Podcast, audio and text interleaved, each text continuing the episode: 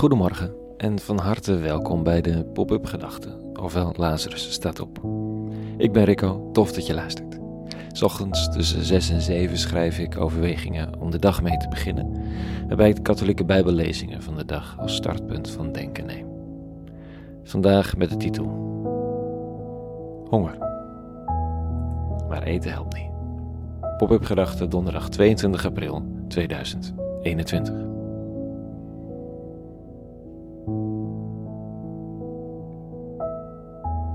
Ik hoef geen eten en geen geld, zegt Rudy uit Congo. Ik heb het nodig, maar het is niet wat ik nodig heb. Samen met een aantal Europeanen bellen we elke zaterdag om vijf uur met hem en een aantal anderen die geen kant uit kunnen op dat prachtige, maar voor vluchtelingen zo vervloekte eiland Lesbos. En hij meent wat hij zegt. Eten en drinken en zelfs geld brengen hem niet wat hij echt wil. De man is kunstenaar, muzikant. Hij weet wat het is om van weinig te leven en heeft woorden voor wat er onder de oppervlakte schuilgaat. Ook onder de oppervlakte van zijn eigen hart. Zonder eten en geld en met de mogelijkheid om jezelf te vertonen zonder het risico te lopen dat iemand je oppakt, uitzet, uitzet bedreigt of wegstuurt puur omdat ze in je zwarte huid menen een migrant te herkennen, zo die ze niet willen. Zo'n leven gaat knagen aan je ziel. Hij zoekt en vraagt iets anders. Stop iemand vol met brood en spelen, maar de honger blijft. Rudy weet hoe het werkt. Ik zie mezelf nog wel eens op dagen waarbij het domweg niet zo lekker loopt. Van, van koffieapparaat naar koelkast naar snoep en chocoladeladen lopen. Dat rondje. Er moet er van alles gedaan worden. Het is urgent en inhoudsvol. Maar na de eerste zinnen van een nieuwe mail of een column schuif ik mijn stoel alweer achteruit en loop naar de koelkast. Koffie heb ik net op. Laat ik er niet meteen een tweede, of eerlijker, een derde achteraan drinken. Je wordt er ook zo flauw van uiteindelijk. Misschien is er iets in de koelkast wat me net een beetje energie geeft. Je neemt wat, koud wat, zoekt nog een chocoladereep, want daarvan wordt gezegd dat het oxytocine of zo aanmaakt. Dat je je gelukkiger voelt, nou, dat kan ik wel even gebruiken. Veel helpt het niet, maar weer een paar woorden. En eten en drinken als poging het ongemak dat je voelt over iets waar je de vinger niet op kan leggen, te dempen. Er is een vorm van, e van honger waarbij eten de oplossing is. Maar er zijn talloze vormen van honger waarbij eten niet werkt, of alleen heel tijdelijk. Oh, en zelfs bij echte trek helpt eten ook maar even. De trek keert altijd terug. Niet erg, dan kun je weer eten. Aan de andere kant, het is illustratief voor de onderhuidse honger van elk mens. Het verlangen naar vervulling. Naar een basis in je leven, naar rust en ruimte en betekenis. En de ene keer is het prangender dan de andere keer.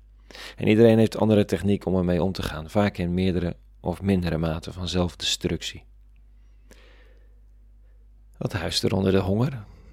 Wat voedt de mens zodanig dat het loopje koelkast, chocoladelade, koffiezetapparaat onderbroken kan worden?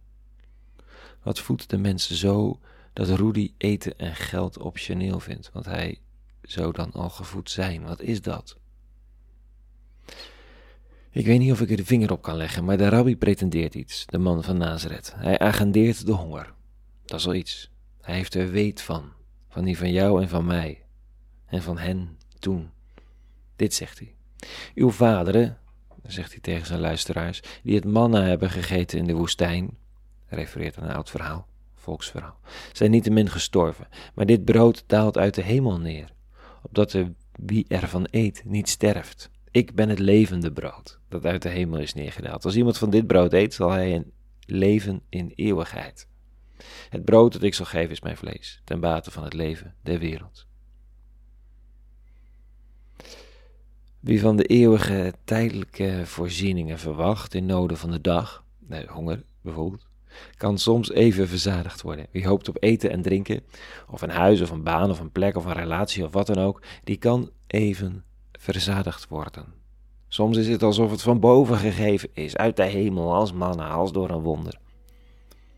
En toch keert dan altijd de honger terug. Dat weet iedereen die op wonderlijke of minder wonderlijke wijze kreeg waar hij of zij op hoopte en dacht heel hard nodig te hebben. In de man van Nazareth en in zijn manier van denken en doen ligt iets verborgen waardoor het verlangen zelf van koers verandert. Het niet meer gaat om iets ontvangen, omdat alles je al gegeven is. Bij die rabbi kun je doodgaan zonder te sterven. Arm zijn, maar rijker dan wie ook. Single, maar intens verbonden. Hij is niet meer bezig, hij hoeft niet meer bezig te zijn met wat hij zelf nodig heeft. Maar heeft de innerlijke ruimte gevonden om enkel te zien wat de wereld nodig heeft. En die geest stelt hij ter beschikking aan jou en mij. Op een of andere manier. Dat is de gedachte. Tot zover vanochtend. Een hele goede donderdag gewenst. Morgen weer een nieuwe pop-up gedachte. En voor nu, vrede gewenst. En alle goeds.